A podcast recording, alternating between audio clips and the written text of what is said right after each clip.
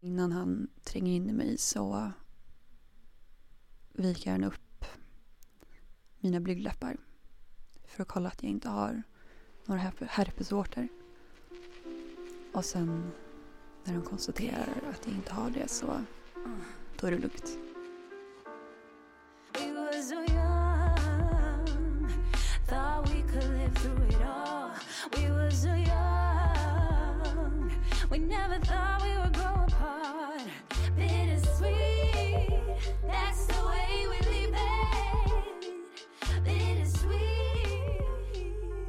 Jag heter Nedda Ameli Jag heter Media Sala.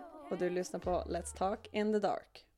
Första avsnittet. Jajamän! Äntligen! Äntligen! Alltså vi har ju pratat om det här så länge, att vi ska starta en podd ihop. Eh, och sen så hade vi ju vi hade ju en plan på att vi skulle starta, när var det? I typ oktober. Ja men typ vår första vänskapsvecka så upptäckte vi att vi inte kunde skillnaden på EM och VM. Nej, just det. Så då skulle vi starta en podd, alltså nyheter för dummies. Och vi är väldigt glada att den podden inte blev av. Nej, gud, det hade blivit katastrof. Alltså vi kan ju ingenting, för det första kan vi ingenting om sport. Nej. För det andra nyheter för dummies. Alltså det, Det nej. blir också lite fel med tanke på att vi båda är journalister. Ja, ja, men precis. Och jag tror att vi har lärt oss en del sen, den, sen dess också. Vi är inte lika dumma som vi en gång varit. Eller? Nej. Nej, jag tror inte det. Tveka, ja! Det är charmigt. Nej precis, vi har ju faktiskt mognat till oss. Ja, det har vi ju. Och eh, vi lärde ju känna varandra för ett år sedan. Mm. Och eh, på Black Friday, dagen till ära, så fann vi varandra så Ja. ett år efter. Och kommer du ihåg när jag skulle beskriva oss? Jag har en så fin beskrivning om mig och dig för vi är så Bill och Bull, fast på olika, olika. Mm. sätt. Men berätta. Du är lugn, sansad, logisk. Jag är drömmaren, kreativ, impulsiv. Alltså det, det är typ den bästa beskrivningen jag har hört. Alltså det stämmer verkligen. Och speciellt, jag tänker med det här kreativa. Du är ju väldigt, alltså di- din kreativa sida och din impulsiva sida. Du är ju verkligen hjärnan bakom, bakom allting. Du har ju alla idéer. Det var ju din idé den här podden. Ehm, det var din idé vad den skulle innehålla. Du har också alltid en vision hur saker ska vara. Men sen är jag lite... Sen kommer jag till dig med det. Ja, sen och kommer säger till hur mig med paketerar vi det? Precis, för där kommer min logik in. Jag är logisk, det här kommer nog inte riktigt att funka, det här tror jag kom- kommer att gå hem, kan vi göra så här istället?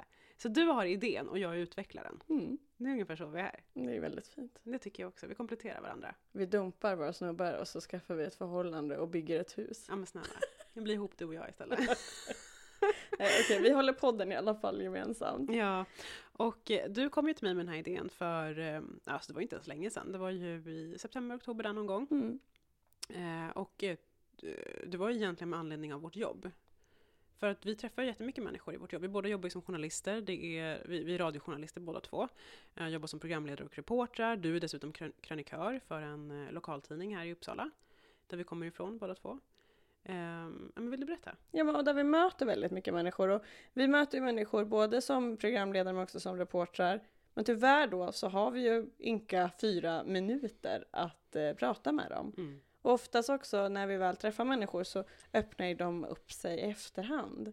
Det här lite, vill ha en kaffe, vi sätter sig på soffan och då inser man att wow, det finns så mycket berättelser. Men också vanliga människor. Eh, I vanliga, I vanliga poddar, nej, men i poddar som man lyssnar så är det oftast människor som får utrymme som kanske då man har hört tidigare. Men att höra en människa berätta om något och också ha chansen att vara anonym, det är ändå ganska speciellt. Mm. Ja, precis. För som du säger, vi jobbar ju med direktsändning. Eh, och det är ett otroligt tajt format. Alltså det, är, vi har ett, det, är ett, det är fyra minuter. Där ska man hinna med introduktion, du ska rakt på ämnet, varför du pratar med den här personen och sen så finns alla de här otroliga berättelserna. Och det kan vara både mörkt och det kan vara högt och det kan vara lågt. Eh, men så mycket som människor bär på som inte riktigt får en plats i radion. Och då tyckte vi att det här vill vi inte att det ska gå förlorat. Nej, men Ehm. precis. Vi har ju så mycket bagage fyllt med historier, men också där igen att det är många som säger men jag vill inte synas, Mm. men jag vill höras. Och där har inte radion kunnat hjälpa oss. Nej, det är ganska, vi, det är ju public service liksom. Vi, vi, det är klart att vi kan erbjuda anonymitet, men det görs inte så ofta. Nej, och jag vet faktiskt inte mycket poddar där man har liksom gäster på det här sättet. Där mörka historier får ta plats. Och där den vi intervjuar får bli berättaren. Mm. Och det berättar, vad, vad är Let's Talk in the Dark? Det kan ju också låta väldigt dirty. Ja, det är inte dirty i det här fallet. Eller? Not dirty. Not dirty. Nej, det är det inte. Utan vi har ju tänkt att eh, alltså dels så får en person, om vi tänker på själva ordet då, let's talk in the dark, alltså låt oss prata i mörker. Det kan man ju tolka på flera olika sätt. Dels har vi tänkt att det kan ju vara ett ämne som är tabubelagt, satt i mörker, som kanske inte får så mycket plats eller som kan vara jobbigt att prata om. Eh, det är välkommet i våran podd. Vi har också tänkt att eh, om man vill så kan man få vara anonym, alltså satt i mörker själv. Eh, med, sin, med sin historia om man vill våga liksom, eh, om man behöver det för att kunna våga prata. Vi har också faktiskt tänkt att om man vill sitta i ett nedsläckt rum och verkligen bokstavligen talat prata i mörker så är det också välkommet. Mm. Det är egentligen gästen som styr vårt program. Det är vår plan. Så därför så kommer alla avsnitt innehålla då en gäst som blir lite som författaren för det avsnittet. Mm. Och vi är de som då ställer frågorna. Och också att vi kommer diskutera lite vad vi har för relation till ämnet. Och i slutet av varje avsnitt så har vi ju tänkt att eh, våran gäst ska få svara på fem stycken olika frågor. Och eftersom att det här är vårt första avsnitt, våra lyssnare vet inte riktigt vilka vi är, så kan det också vara en chans för dem att få lära känna oss. Jag tänker En att, goodie! eller hur? Jag tänker att vi kan, få, vi kan börja svara på de frågorna. Mm. Media. Beskriv dig med en låttitel. Åh, vad svårt! Måste jag svara först? Okej då. Kan inte du få svara Jo, först så får du marinera oss med lite grann. Alltså jag eh, är ju en estetare och jag lyssnar ju på så mycket musik. Och jag skulle vilja bara spy ut alla låttitlar. Men en som jag nästan var nära på att tatuera in. Det var ett soundtrack från Titanic. För jag är Titanic-fantast. Och det är en låt från eh, filmen som heter Unable to stay, unwilling to leave. Unable to stay, Unwilling to leave. okej. Alltså, och den är lite djup. Eller väldigt djup. Och jag ser att du sitter där som ett frågetecken. ja. Jag kan inte stanna, men jag kan inte lämna. Alltså menar du på att det är på, på din liksom drivande personlighet? Att du Mm. vill fram hela tiden? Jag menar att jag ibland känner att jag står fast, men det gör inget. Jag vill inte egentligen vara här, men jag vet inte heller hur jag ska gå. Det är för att jag hela tiden vill framåt och ibland glömmer att stanna upp. Hmm. That's some deep shit. Det är verkligen det, alltså den är djup. Ja, okej. Ja, men, ja, men fint. Men vad sa du att den hette? Unable to stay, unwilling to leave. Hmm. Alltså jag kan fortfarande inte komma på en låt som skulle passa för mig. Typ... Eh, Mida sitter alltså och googlar fram låtar. ja, men jag sitter och kollar min Spotify-lista bara för att se om det ska... Bruno Mars, Grenade. Catch a grenade for you. det skulle jag absolut inte göra. Nej men alltså vänta, det finns en låt, alltså gud, nu, det, jag kommer säkert ångra mig efter att vi har släppt avsnittet, men nu när jag bläddrar så finns det en låt från Celeste som heter Stop this flame. Mm. Och hon sjunger typ eh, You'll never stop this flame. Eh, vänta, gud, jag måste nästan googla vad det är hon sjunger, men jag vet att hon sjunger bra, någonting som är bra. Så jag fick en liten Adele rolling in the deep. Ja, nej There's a fire started in my heart. Nej, hon sjunger så här. Eh, eh, Okej, skit i hela, hon sjunger massa kärleksgrejer, det kan man strunta i för det tycker inte jag eh, går in på mig. Men hon sjunger så här, You'll never stop this flame, I will never let you go. Well, who am I to say, maybe by now you should know. You got, you're somebody calling, you think you're somebody, don't you? I think you're scared of keeping somebody close. You never stop this flame, I will never let you go. Alltså det är fortfarande kärlek, men jag skulle vilja koppla det här, alltså när jag lyssnar på den här låten, jag brukar lyssna på den på gymmet när jag springer, och får sån himla energi. Eh, för att jag tycker att den känns, alltså hon låter så här otroligt självständig. Och jag är väldigt självständig som person. Alltså jag är, eh, jag har alltid varit den som liksom jagar mina drömmar, tar mig framåt, jag är inte rädd för att liksom, jag, alltså jag har lite jävla anamma i mig. Och jag, det är den känslan jag får när jag lyssnar på Celestes låt. Fattar du? Alltså jag skrattar för att det här var också, nej, nej nej Nej. men det här var också ett tecken på och jag undrar om någon som hör det här också kommer märka hur vi är olika igen. Ja. För du tog en logisk låt som har en text som beskriver dig. Mm. Jag tog en instrumental variant från Titanic Ja, som inte har sant. en enda text. Och du hade dessutom, du hade dessutom planerat. Nej men du hade dessutom planerat att säga det här. Alltså eller det lät väldigt planerat. Nej jag har tat- jag, en gång i tiden skulle jag tatuera in den här unable to stay unwilling to leave. Mhm, okej. För att jag såg mig själv vet, när jag har det här lockiga håret på Titanic när jag Mm. står där en gång i tiden. Jag fattar. Jag tror jag kommer ångra mig, det här svaret. Nej! Men vi får ta om den en annan gång kanske. Tänk att de här äh, som också ska få bli intervjuade av oss ska svara snabbt som attans på det här. Så Ja, det är nu är det så. svårt alltså. Ja, det Nummer två. Som liten, vad drömde du om att göra när du blev stor? Jag skulle bli delfinskötare. Va? ja! Har inte alla velat bli det någon gång? Nej! Har du kollat på Rädda? Willy eller? Ja men det har jag säkert gjort. Var det där? Nej men var fick du det Nej, ifrån? jag vet, jag tyckte bara det verkade lite mysigt att liksom hänga i en pool med delfiner. Alltså nu vet jag att det är hemskt, det ska man ju absolut inte göra. Alltså delfiner ska ju inte hänga i en pool. I Kolmården Ja, gud, oh my god. Nej, men eh, jag tyckte bara så här, men lite mysigt delfiner liksom. Jag kan Ja. inte tänka mig något värre idag. Men eh, det var det jag ville bli. Och sen så har jag inte velat bli så mycket annat. Alltså jag ville bli journalist när jag var 13. Mm. Och det var ju det jag blev. Mm. Men delfinskötare innan det. Ja, du ser. Du då? Ja, I'm a dreamer. Mhm. Jag, eh, alltså det bästa minnet jag har från när jag är liten är att jag står, jag precis köpt ett par skor med vit platå. De är jätteklackiga, men jag är väldigt liten. Mm. Och så har jag en vit klänning och så står jag framför Spice Girls och mimar. Du ville bli artist? Jag ville bli en tjejbandmedlem. Oh my god. Mm. Inte helt ologiskt ändå. Nej, Vilken dröm. alltså jag håller i alla fall en mick. Så nära kom jag. Ja. Men jag blev inte en Spice Girls medlem. Nej, det blev det inte. jag backar in den drömmen ändå. Tack. Ja. Vi kastade band. Fråga nummer tre. Ja. När ljög du senast? ja, men det måste ju vara på fråga nummer ett. Att Celeste den låten som jag skulle... Alltså jag, gud, jag, jag mår dåligt av att jag sa det. Jag tror att det var min senaste Nu kommer din logiska, den här tänkande sidan att så här, sa jag rätt? Jag har redan släppt det, jag har redan Du har släppt det? Ja. Ja, gud, jag ältar ju saker som fan. Så det ljög alltså? Ja, det gjorde jag nog. Jag tror det. Den är, den är en bra låt, men jag tror inte att det är jag. Mhm. Ja, jag kan inte tänka så snabbt. Jag kan inte tänka ut en låt som är jag så snabbt. Nej. Nej, men du då? När du jag senast? senast? Oh. Alltså jag drar mycket vita lögner hit och dit. Mm. Men, och det är väl inget, alltså när jag jag senast?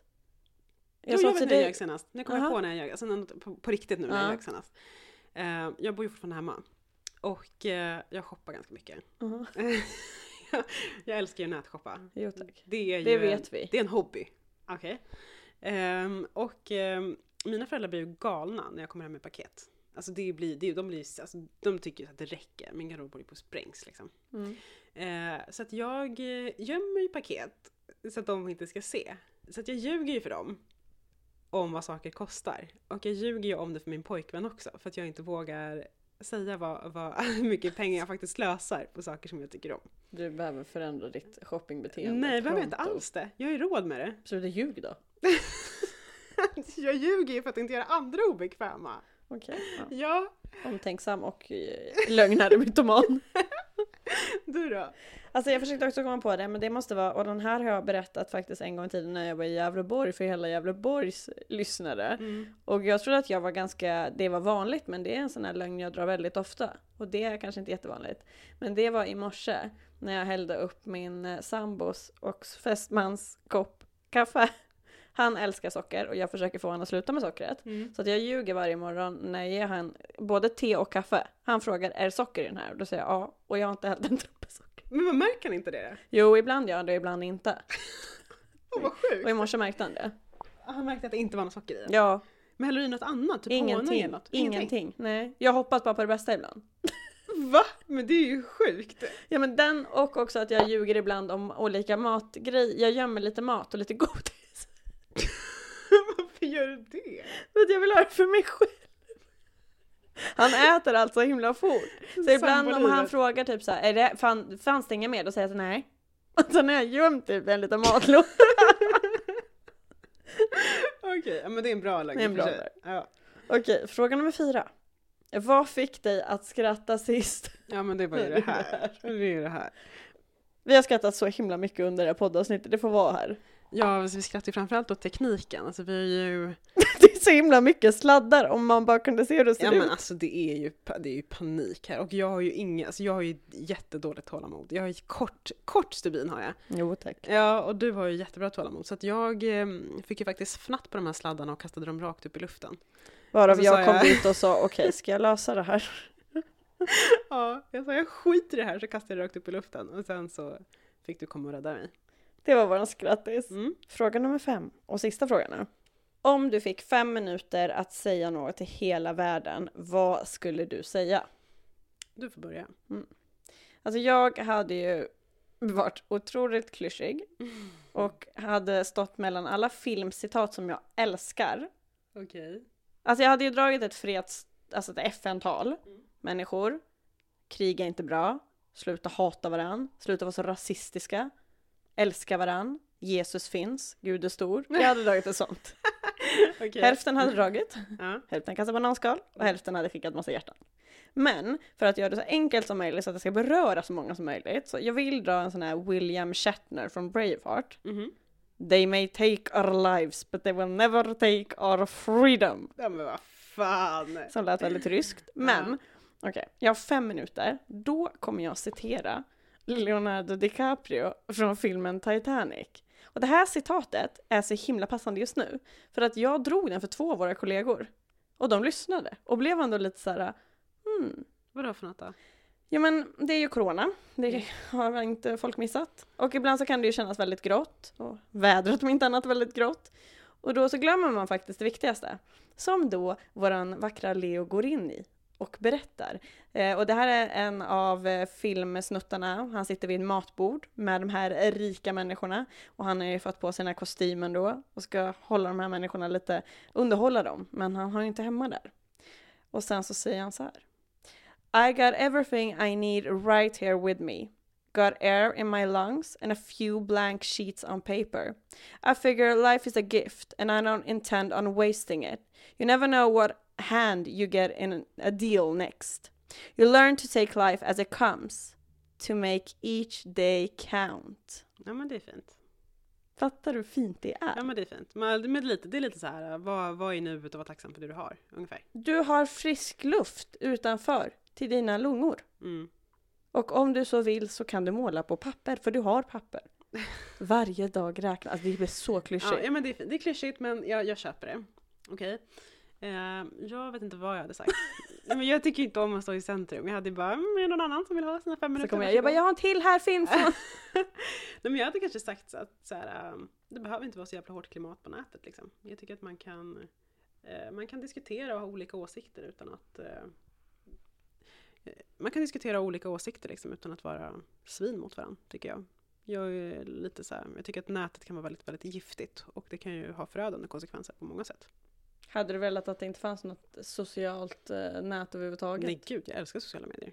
Jag tycker det är en jätte, jättebra plattform att liksom sprida tankar och eh, alltså, sin livsstil eller ingenting, alltså bara nonsens egentligen. Jag, för mig är inte Instagram och Facebook och liksom alla sociala medier som finns en, alltså en plats där jag, dit jag vänder mig om jag eh, vill saker, utan jag, jag är liksom bara där inne och scrollar för att jag tycker det är skönt att få hjärnan att koppla av och tänka på någonting annat. Det är ingenting som påverkar mig. Och jag är den som skriver massa och vill att alla ska reagera. Ja, jag fattar det. Men det tror jag att det är för många. Alltså jag tror att många tar det som en plats där, eh, alltså där man verkligen har en chans att nå ut till En människor. dagbok, en digital dagbok. En digital dagbok där man når ut till människor. Ja, och det här är ju då eh, de fem frågorna som våra gäster kommer att få lyssna på. Förhoppningsvis är de kanske lite mer förberedda än vad vi är. Ehm, Det tror jag dock inte. Det tror men inte jag svaren blir lika bra då. Ja, ja, man får ju plocka fram det som liksom dyker upp i huvudet först. Men jag tänker att vi hoppar rakt in i dagens ämne.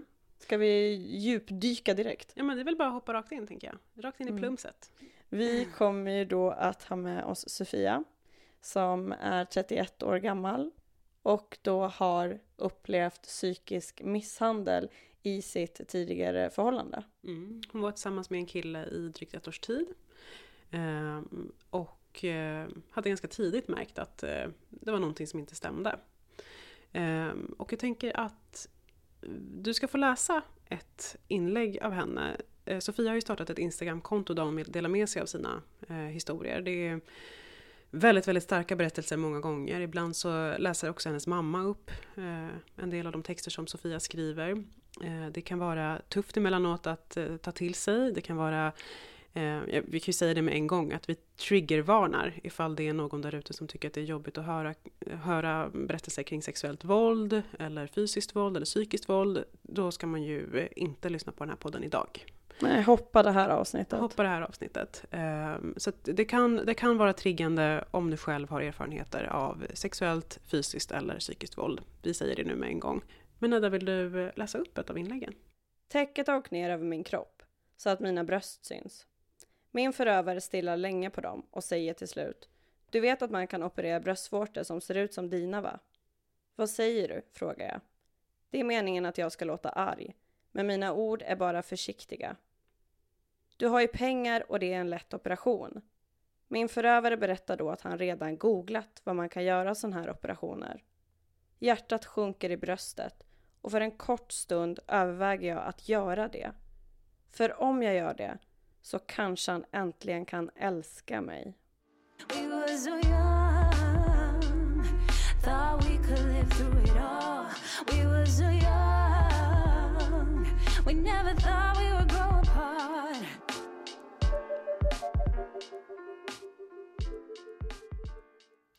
Välkommen Sofia till vårt första poddavsnitt.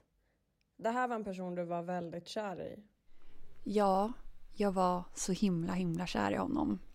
Jag eh, valde även att byta upp med min pojkvän som jag var tillsammans med då för att bli tillsammans med honom. Och det var ju passionerat, det var magiskt, det var kärleksfullt. Han lovade mig ju allt. Jag var hans framtida fru. Eh, vi skulle köpa ett hus ihop, vi skulle få barn. Han lovade ju mig alla de saker som han visste att jag ville ha. Och sen så är det jättesvårt att förstå hur en annan människa som säger att han är kär i mig gör alla de här märkliga och sjuka sakerna mot en. Jag tänkte vi skulle gå in på det också, men om vi bara liksom spolar tillbaka tiden. Hur länge var ni ihop? Vi var ihop drygt ett år. Och eh, ni träffades. Du berättade att du var väldigt, väldigt kär i honom. Han lovade dig världen. Hur lång tid tar det liksom, under den här, ni är tillsammans ett år, hur lång, tid, hur lång tid är det bra innan du börjar se tecken på att det är eh, någonting som händer här nu? Alltså egentligen så var det en switch på en gång. Från att vi inte var tillsammans till att vi blev tillsammans. Och jag märkte, alltså jag märkte den inte då, men jag kan tänka mig, eller när jag tänker tillbaka på det så var det men det var små gliringar, liksom, det var små saker han sa, det var saker jag inte fick göra. Men jag tänkte ju bara att han var så himla himla investerad i mig och vårt förhållande. Så jag är bara så glad att ja, han ser mig. Det är någon som ser mig i mitt förhållande. Um, men den så här, första grejen som han gjorde det var ju i, ja, på ett hotellrum. Där han helt plötsligt slöt av sig sina shorts. Mm. För att han blev så arg på mig för att jag tyckte att vi skulle dela lika på pannkakorna som vi hade beställt eh, på rummet. Och jag tror att de flesta kvinnor eh, tänker att de är den här personen som, ja då lämnar jag, jag sticker, jag drar. Jag trodde också det om mig själv innan jag gick in i den här relationen. Men jag gjorde inte det. Utan jag stannade. Men han slet av sig sina shorts, alltså vad, vad menar du? Bara, vad hände? Alltså vi började bråka om de här jäkla pannkakorna. Um, och då kommer jag ihåg att han står på ena sidan av sängen och jag står på andra sidan av sängen. Och så, han skriker väl någonting om att jag är äcklig och dum i huvudet. Och jag skriker tillbaka. Och så helt plötsligt så bara stoppar han ner sina händer i fickorna till shortsen och bara sliter sönder dem. Från alltså sin kropp. Och det var shorts som var hela liksom, som han bara rycker av? Det blev Ja. trasor av dem? Nej, ja, det blev trasor av dem, men de var ju hela från början. Och då blir jag så himla förvånad och bara oj, vad fasiken var det som hände? Så jag springer in på toaletten och låser och är helt så här chockad. Ja, men gud, vad gör han? Han älskar ju mig. Varför blir han så arg över att över de här pannkakorna? Och sen så sitter jag där på toaletten en stund och sen så kommer han in och då tänker jag att det är nu, nu, nu slår han mig. Det är nu han misshandlar mig för första gången. Men det gör han inte utan han sätter sig bredvid mig lugnt. Och så börjar han smeka på min arm och säger att vi borde göra slut Sofia. För jag orkar inte med att du ska vara så bråkig hela tiden. Du sitter på toalettgolvet. På ett, antagligen ett kallt kaklat golv. Japp. Och du har här någon som du älskar. Och som du säger, ser dig. Ja, det är det som blir det allra jobbigaste och mest förvirrande. För att han upprepar hela tiden att han älskar mig, han vill inte mig något illa.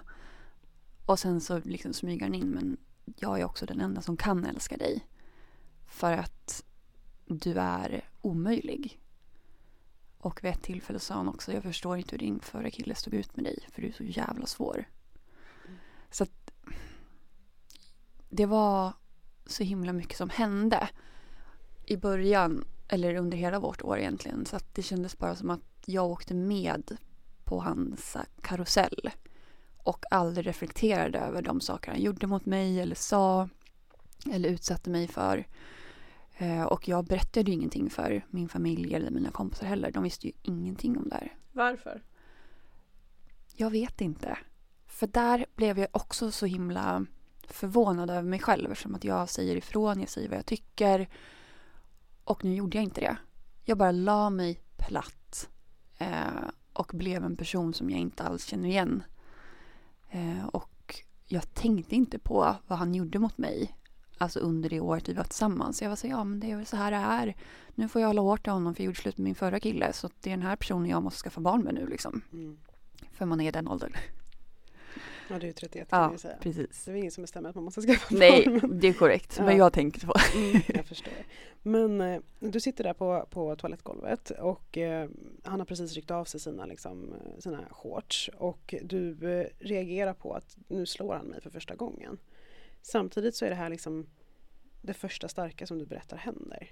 Vad är det som inom dig, vad är det som du känner inom dig kommer att leda till ett fysiskt våld i den här situationen? Nej, men där blir det nog att så här, man har sett, eller jag har sett på massa filmer att så här, ja, men det här är det första. Först så har han sönder någonting eller kastar någonting på mig och sen blir nästa steg att han kommer slå mig. Så jag var nog fast i den där stereotypa bilden av vad våld är i nära relationer. Att först slet han av sina jeans och nu kommer han slå mig. Mm. Jag var verkligen helt beredd på att han skulle bara klappa, alltså bara ge på mig där i badrummet. Och så gör han inte det utan han sätter sig helt lugnt och viskar att vi borde göra slut. Och då blir det som en kortslutning i hjärnan istället. Att så, oj, han, okej, vad händer nu?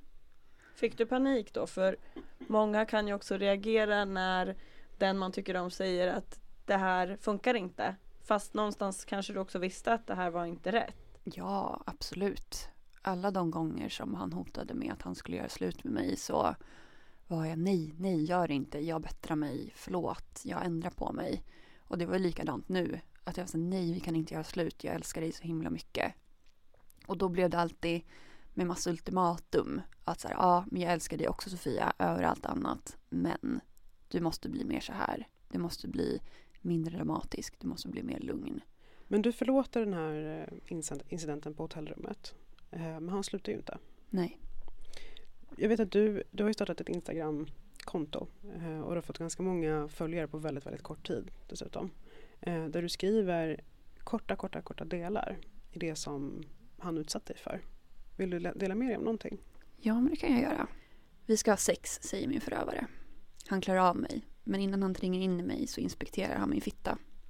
Min fitta har jag låtit vaxa för hans skull. Han måste försäkra sig om att jag inte har några herpesblåsor. Han konstaterar att jag inte har det och kör in den. Men när han tränger in i mig med sin kuk är jag inte längre i samma rum. Jag är långt borta, på en grusväg mitt i juni, där dagen varar för evigt och mörkret inte gör sig påmint mer än ett par minuter varje dag. I mina tankar flyr jag till min grusväg i juni för att överleva mardrömmen som har blivit mitt liv. Han hjärntvättade ju mig från tidig, tidig start i vårt förhållande och han sa ju liksom att allt det jag tyckte och tänkte var fel och allt det han tyckte och tänkte var rätt utan att säga de direkta orden så var det ju den känslan jag fick. Och det är därför det var så himla bedrägligt och svårt att märka det här våldet med honom. För att det var inga slag och det var inga fysiska eh, liksom skador. Utan allting som han gjorde illa skedde ju inuti mig. Min förövare var väldigt, väldigt sexuell. Och det var någonting som jag märkte av väldigt tidigt. Och de här gränsförflyttningarna skedde väldigt, väldigt fort. Och det var egentligen ingenting som jag tänkte på. Och sen så skulle jag åka och hälsa på honom. Och så bad han mig att vaxa min fitta. För han skulle tycka att det var så jävla sexigt om jag gjorde det. Och så gjorde jag det. Och så åkte jag dit. Och så hade vi jättemycket sex. Sen fick jag urinvägsinfektion. Eh, och var tvungen att uppsöka läkare. Mm. Jag åt medicin några dagar. Och sen så... Jag var så här, men vi kanske kan ha sex nu. Typ nu känns det bra. Och då så ligger jag på sängen. Och så har han klätt av sig. Och jag ligger och väntar på honom liksom. Men innan han tränger in i mig så viker han upp mina blygdläppar. För att kolla att jag inte har några herpesvårtor. Och sen när de konstaterar att jag inte har det så då är det lugnt. Där och då så kändes det som att jag var i sexet och i vår stund. Men i efterhand så känns det inte som att jag var det.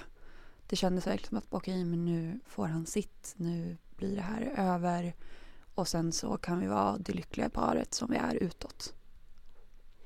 Så du någonsin ifrån verbalt? Att du inte ville? Du menar mest som sexuella? Eller att det kändes fel liksom? Alltså ja, jag gjorde det i början. För att det är ett annat inlägg som jag också har skrivit. Där berättar jag att jag kom hem till min lägenhet och han är där och han har beställt hem massa sexleksaker. Och jag är inte bekant med sexleksaker sedan innan. Um, och då kommer jag framför, framför allt ihåg att han var väldigt, väldigt fascinerad av buttpluggen. Och eh, det blev ju liksom min kompis. Eh, som jag absolut inte ville vara kompis med. Men som han övertygade om, mig om att det här är jätteskönt Sofia. Det här, jag blir jättehård av det här. Och då sa jag, jag var så men du, eh, ska vi prova lite på dig då? Så kanske, kanske du liksom blir hård av det också. Och då sa nej, nej, nej, jag vill inte ha den, men jag vet att tjejer tycker om det. Och jag var så okej, okay, okej, det är inte jätteskönt. Um, Så du säger dem. det liksom? Ja. Du säger du tycker inte att det här är skönt? Nej, och han var här, ja men det, det kommer bli skönare och liksom, du är inte van och du måste slappna av. Eh, för att i analen så har man en ringmuskel och den är muskel och den måste man tänja ut. Så att han var ju väldigt så här praktisk med den här jäkla buttpluggen också. Mm. Alltså jag har typ inte kunnat säga det här ordet på ett år. För att det väcker så himla starka känslor inom mig. När inser du att det kanske är dags att lämna? Jag inser det när vi ska åka hem tillsammans. Vi är på flygplatsen och han är arg på mig av någon anledning. Jag Vet inte varför. Han var arg på mig så ofta att jag, jag bara fogade mig och sa förlåt. Och så jag bär min väska, mitt handbagage. Och så kommer jag ihåg att han rycker det ur handen på mig. Och så kommer jag ihåg att jag möter en annan kvinnas blick. Och hennes blick kommer jag aldrig glömma. Det var så här, spring nu, gå därifrån nu, lämna nu. Och då sa jag faktiskt till honom att du, de som ser det här utifrån, de tror att du är en man som slår kvinnor. De tror att du slår mig. Du vågar säga det till honom? Ja, för att då var vi på en offentlig plats. Han kunde inte göra någonting. Och då blev han typ för första gången tyst. Men såg du då också en skillnad på en man som slår en kvinna fysiskt men också en man som psykiskt slår en kvinna? Nej. Nej. Alltså. Jag började först reflektera över mina erfarenheter efter att vi hade gjort slut. Så då reflekterade jag inte över det. Jag var så här, fan vilken... Men då, då hade jag börjat tänka, fan vilken jävla idiot han beter sig som. Mm. Vad håller han på med? Jag orkar bara inte. jag orkade inte bråka med honom. För det går inte att vinna mot en narcissist. Det går aldrig. Alltså hur mycket man än diskuterar, hur många bra liksom, argument man än har. Det går inte att vinna. We never thought we would grow apart.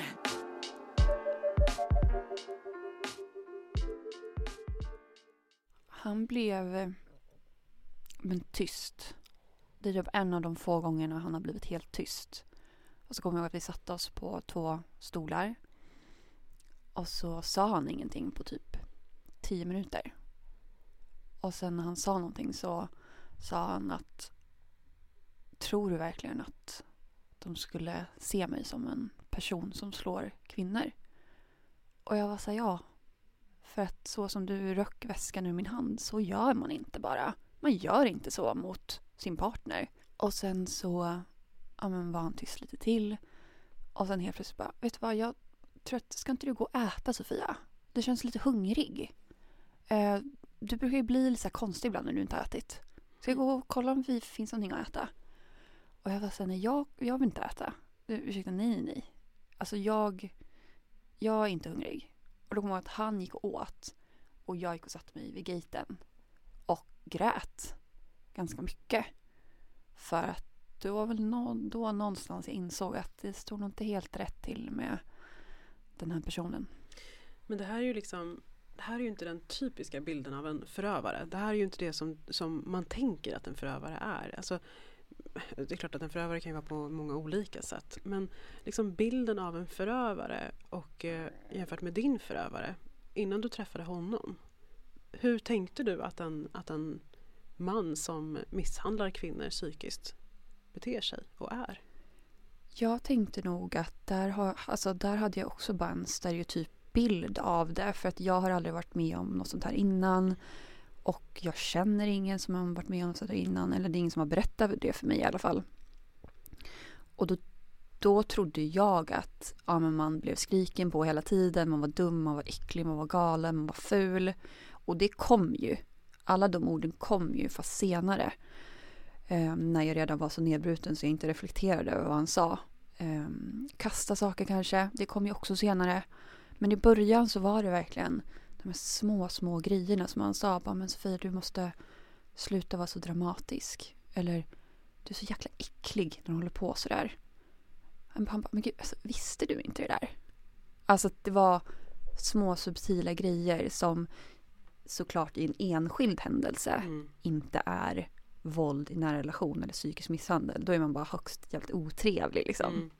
Men när det blir ett mönster och man får höra det hela tiden och det trappas upp, det är då det blir strukturellt och det är då man utsätts för psykisk misshandel. Men det är så himla svårt att sätta fingret på vad det är och när man fått nog och när man ska lämna. Och så, till sist så, jag trodde ju att jag var galen till sist. Men du valde inte att säga det till dina vänner eller din familj. Hur klarar man sig då? För ofta så är ju det, man vänder sig till sina vänner eller sin mamma eller sin pappa. Han hjärntvättade ju mig. Alltså på en gång. Han, det här vet inte mina föräldrar om, men han började snacka skit om mina föräldrar. Han sa att de var dumma, att de inte ville mitt bästa, att de var lata. Han snackade inte skit om mina kompisar. Um, jo, det gjorde han också. Och var så, ah, men varför är du den där kompisen med den där killen och han kan ju inte bete, eller han kan ju inte ta hand om henne. Han hade väldigt mycket åsikter om hur mina kompisars pojkvänner var mot deras flickvänner, vilket är ju väldigt intressant så här efteråt. Ni är där på flygplatsen och eh, du sitter vid gaten och gråter. Det, han har ändå reagerat ganska hårt på att du har sagt att, eh, och då tänker jag inte hårt på det sättet som han har reagerat på tidigare, att han har liksom blivit fysisk eller eh, kastat ur sig dumma saker liksom. Eh, utan han frågar dig, tror du verkligen att eh, folk utifrån ser mig som en man som misshandlar kvinnor? Varför tror du att han reagerar så hårt på just de orden? Alltså jag känner ju honom, eller kände honom väldigt bra ändå, skulle jag säga under det året vi var tillsammans. Så hans största rädsla är ju att bli, Alltså, vad säger man, hans största akilleshäl är att bli avslöjad som en person han inte är. Och jag tror att det tog väldigt hårt på honom att jag såg, dels så såg jag vem han var på riktigt.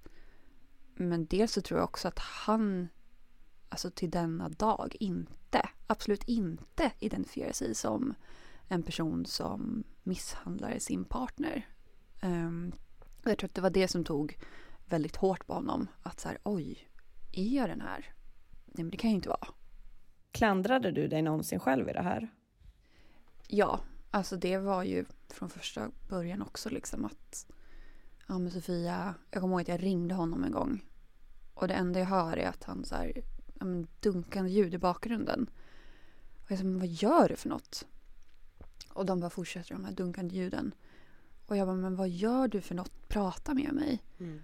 Och då sa han så här, ja men jag dunkar mitt huvud i väggen. För jag brukar göra det när jag blir frustrerad.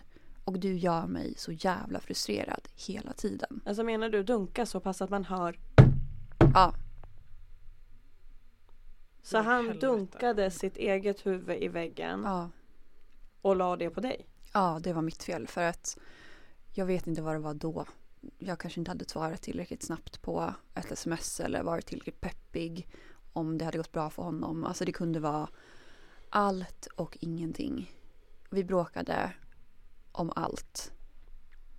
Och det var väl det som bara nötte ner mig. Att till slut så, som jag också skrivit, att jag började alla mina meningar med förlåt. Jag bara förlåt. Han bara det är okej. Mm. Jag bara men förlåt. Han bara det är okej. Alltså att han, jag tror han mådde väldigt bra av att jag var underlägsen honom också. Vad är det som till sist får dig att lämna? När sker det? Vi sätter oss på flygplanet och åker hem. Um, och sen så ska vi vara tillsammans de här veckorna han är hemma. Sen ska han åka tillbaka. Um, och så sitter vi på taco bar. Som han har offrat sig för att äta för min skull för att han tycker inte om det. Man kan ju göra det för min skull för han är så himla snäll. Han är tydlig med att säga det också. Han är väldigt tydlig med Mm. att säga att vissa saker som han inte vill göra, det gör han för min skull och det ska jag vara jäkligt tacksam över. Och så frågar jag honom men när han hade tänkt åkt hem till sin stad. Eh, och att så här, jag såg fram emot att vara med honom de här veckorna när han var hemma. Och kommer också ihåg att han slutade äta. Och tittar helt iskallt på mig och bara Nej men Sofia, nej men lilla kära någon. Men jag ska väl vara hemma mer. Alltså jag ska vara hemma längre än en helg. Som du tror. Jag bara, jaha men du har ju sagt en helg innan liksom. Vi har ju inte setts på ett år nästan. Han bara, ja, men förstår inte du Sofia att jag måste andas skog och komma ifrån stan? Jag var så ja nej, va? Och sen så, sen så avslutar han med att säga, Sofia, bara för att jag är det viktigaste i ditt liv så betyder det verkligen inte att du är det viktigaste i mitt liv. Och då reste jag mig upp och gick därifrån. Hur tänkte du då? Hur, hur kom det sig att du reste dig upp? Jag fick bara nog. Jag bara, nu får det fasiken vara nog med det här. Mm. Ehm, och så då gick jag. Och han satt kvar och åt upp sin mat och sen kom han efter.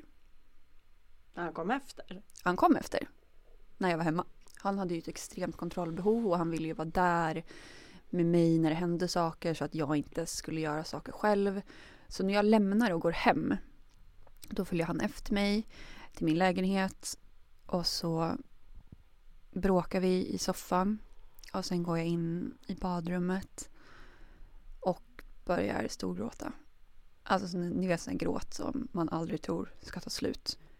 Ja men jag kanske gråter i en halvtimme, 40 minuter. Och sen kommer han in på toaletten och så säger han helt lugnt. Han bara Sofia. Jag har faktiskt bokat en tågbiljett hem nu. Um, så jag tycker vi ska göra slut. Och jag jag trodde inte att jag kunde falla ner, liksom mer ner i mörkret men det gick. Och så sa han också att så nu har jag ringt till din bästa kompis. Så nu ska hon ta hand om dig. Min, bästa kompis som menar han, min bästa kompis som var höggravid och födde tre dagar senare. Hon skulle ta hand om mig.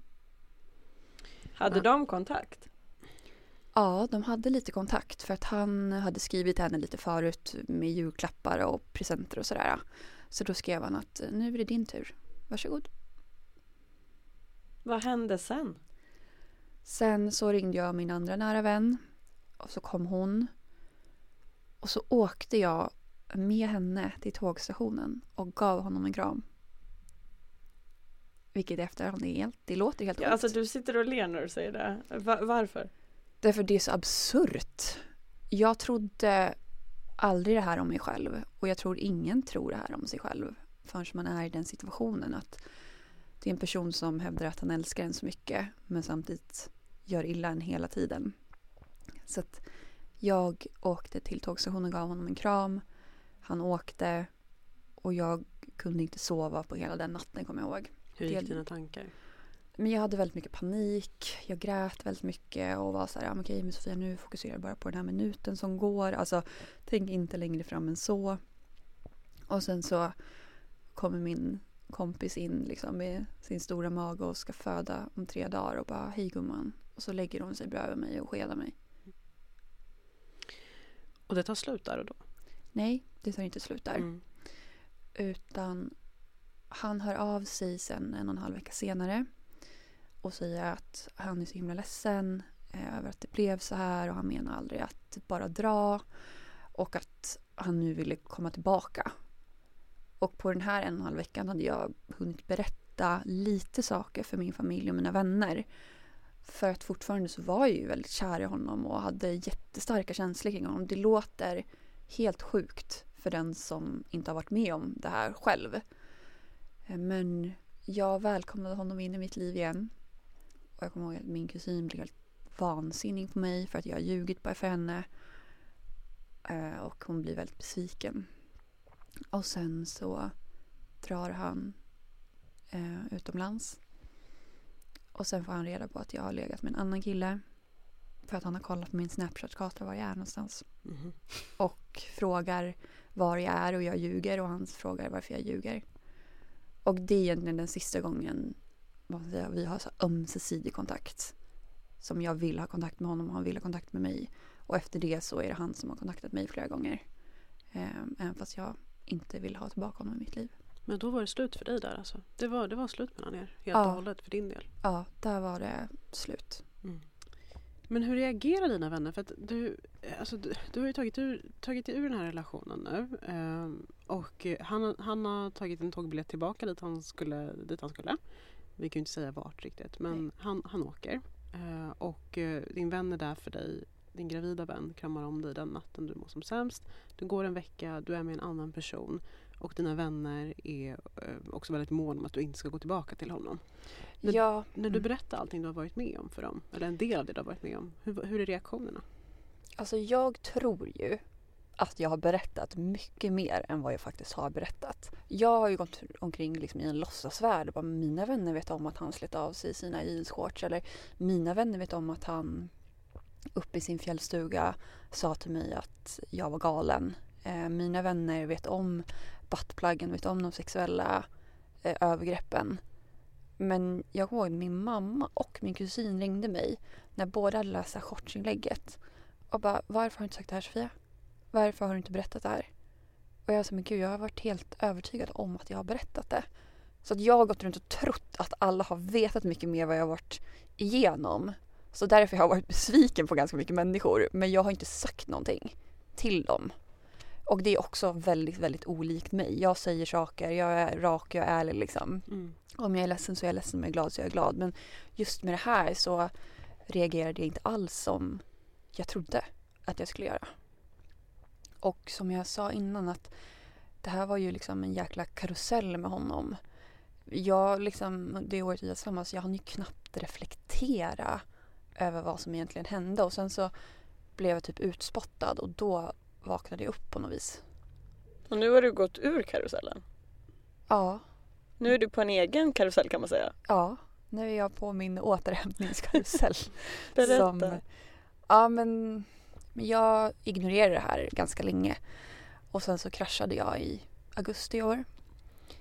Och bröt ihop i mammas och pappas bil. Var på en, stod på en parkering i Uppsala ensam i bilen och började bara gråta. Jag ringde min kusin och bara vad är det som händer? Hon bara okej Sofia, nu är du så sjukskriven från jobbet. Nu är det du som åker hem till din mamma och pappa. Och eh, du liksom måste ta en paus. Du mår inte bra, du måste ta hand om dig själv. Men innan det så gick jag och hade picknick med mina kompisar. För det var en kompis som fyllde år. Och då så var jag glad och trevlig och skrattade. Mm. Eh, Men det var ju liksom i augusti som allting började. Men jag hade ju känt av det innan. Alltså efter min förövare så dejtade jag en annan kille och jag kände ju att vem fan är jag? Vad håller jag på med? Jag kommer ihåg att vid ett tillfälle så skrek jag åt killen jag dejtade att han skulle slå mig.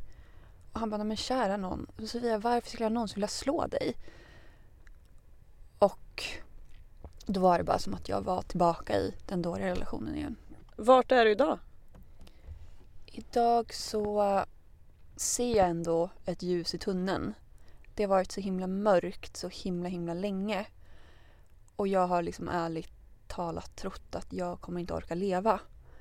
Men nu så känner jag att jag tog ju augusti, september, oktober för mig själv, att liksom hitta mig själv och göra mig så hel som möjligt.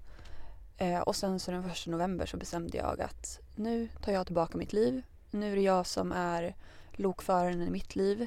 Nu är det jag som sätter reglerna här och ingen annan. Och det känns ju magiskt. Alltså det är fortfarande skitjobbigt och jag kan fortfarande få fruktansvärda ångestattacker. Men de blir färre och färre och det går längre och längre mellan gångerna. Så att bara att jag skapade det här Instagram-kontot, att det är så många som skriver till mig, det är så många som tackar. Det gör ju att jag känner att jag gör någonting betydelsefullt också.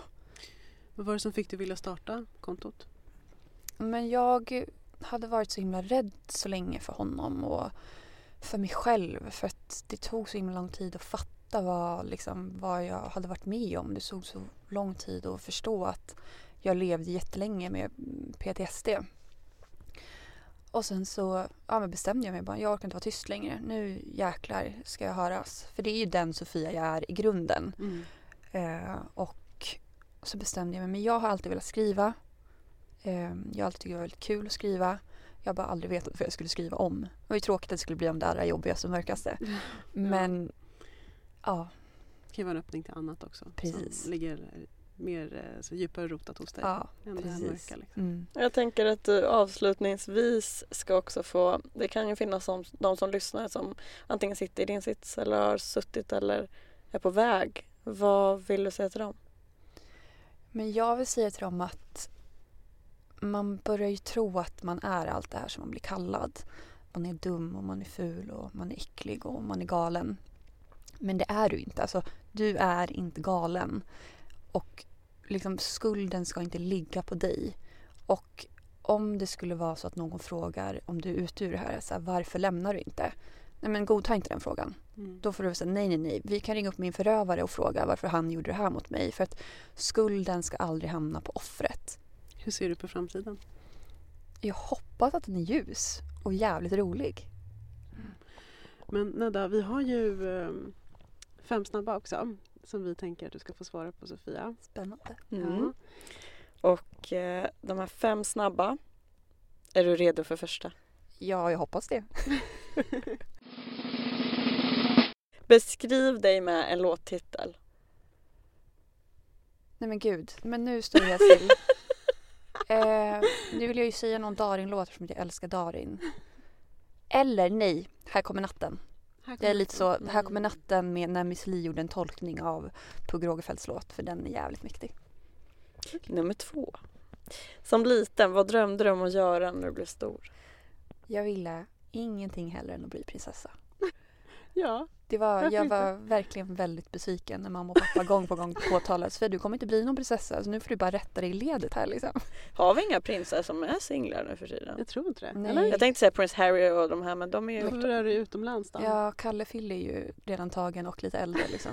Och Du får kort. ta dig till något exotiskt land som Ja. inte man vet om typ. Nummer tre. När ljög du senast? När ljög jag senast? Man ljuger ju lite titt som tätt ja tänker jag. gud det gör man ju. Men fasiken var det? Jag vet typ inte. Det här låter, fan vilken tråkig människa det låter som, som inte vet senaste gången hon ljög. Nej. Eh, får jag komma tillbaka till den om jag... Ja, Mm. fundera. Men du, Mm. nummer fyra. Vad fick dig att skratta sist? Och då ett riktigt liksom, skratt. Ja, du skrattar ju själv nu. Jag eh, har börjat kolla om på min bästa julkalender någonsin genom tiderna och det är Pelle Svanslös. Mm. Och jag skrattar alltid åt Måns. För att på något sätt så, jag kan ju relatera till Måns. För han är ju så jävla vidrig. Alltså han är så jävla elak. Samtidigt som han är så jäkla skör. Och jag älskar ju Pelle också men Pelle är jävligt provocerande. Och alltid när Måns ska göra sina hyss jag skrattar högt. Alltså rakt ut högt. Och från första dejten på SVT brukar jag också skratta. Ja den är faktiskt väldigt rolig. Men jag tänker när du säger Måns, jag tänker på den här serien, hur långt det har kommit i julkalendern. Men du vet när han säger ge dig iväg pappskallar till Bill och Bull. Ja. Jag tycker det är lika kul varje gång. Eller? Jag är den enda som inte har den här humorn. Men jag behöver ju lite Du mer måste rått. se den. Ja, Ja, eller jag har sett det men jag behöver rå humor. okej. Men du, avslutningsvis och sen får du komma tillbaka om du har ljugit och Mm. annars så Du ljuger så bra. Vet du? Om du fick fem minuter att säga något till hela världen. Vad skulle du säga? Oj, Och alla Vil- lyssnar. vilka frågor här Mm. känner jag. Jag kan inte säga när jag ljög senast och vad fan svarar man på den här? Fan. Börja så, fan. Mm, Ja, hörni fan. eh, nej, men är det nu man säger något så cringe? Ja man vet ju cringe är själv. bra. Ja, Eller jag älskar ju cringe men Ja. ja. men om jag ska, skulle säga någonting till hela världen just nu så skulle jag säga det här. Mm. Du kan säga mitt namn, men jag kan inte säga ditt. Men kanske kommer det bli min största bedrift och bragd i livet att helt till intet göra dig utan att en enda gång säga ditt namn. Sofia, tack så jättemycket för att du kom hit. Tack så jättemycket för att jag fick komma. Det har varit skitkul. Ja. Fan vad bra. Mm. Fan vad jävla bra. Ja men fan. Tack för att jag fick komma.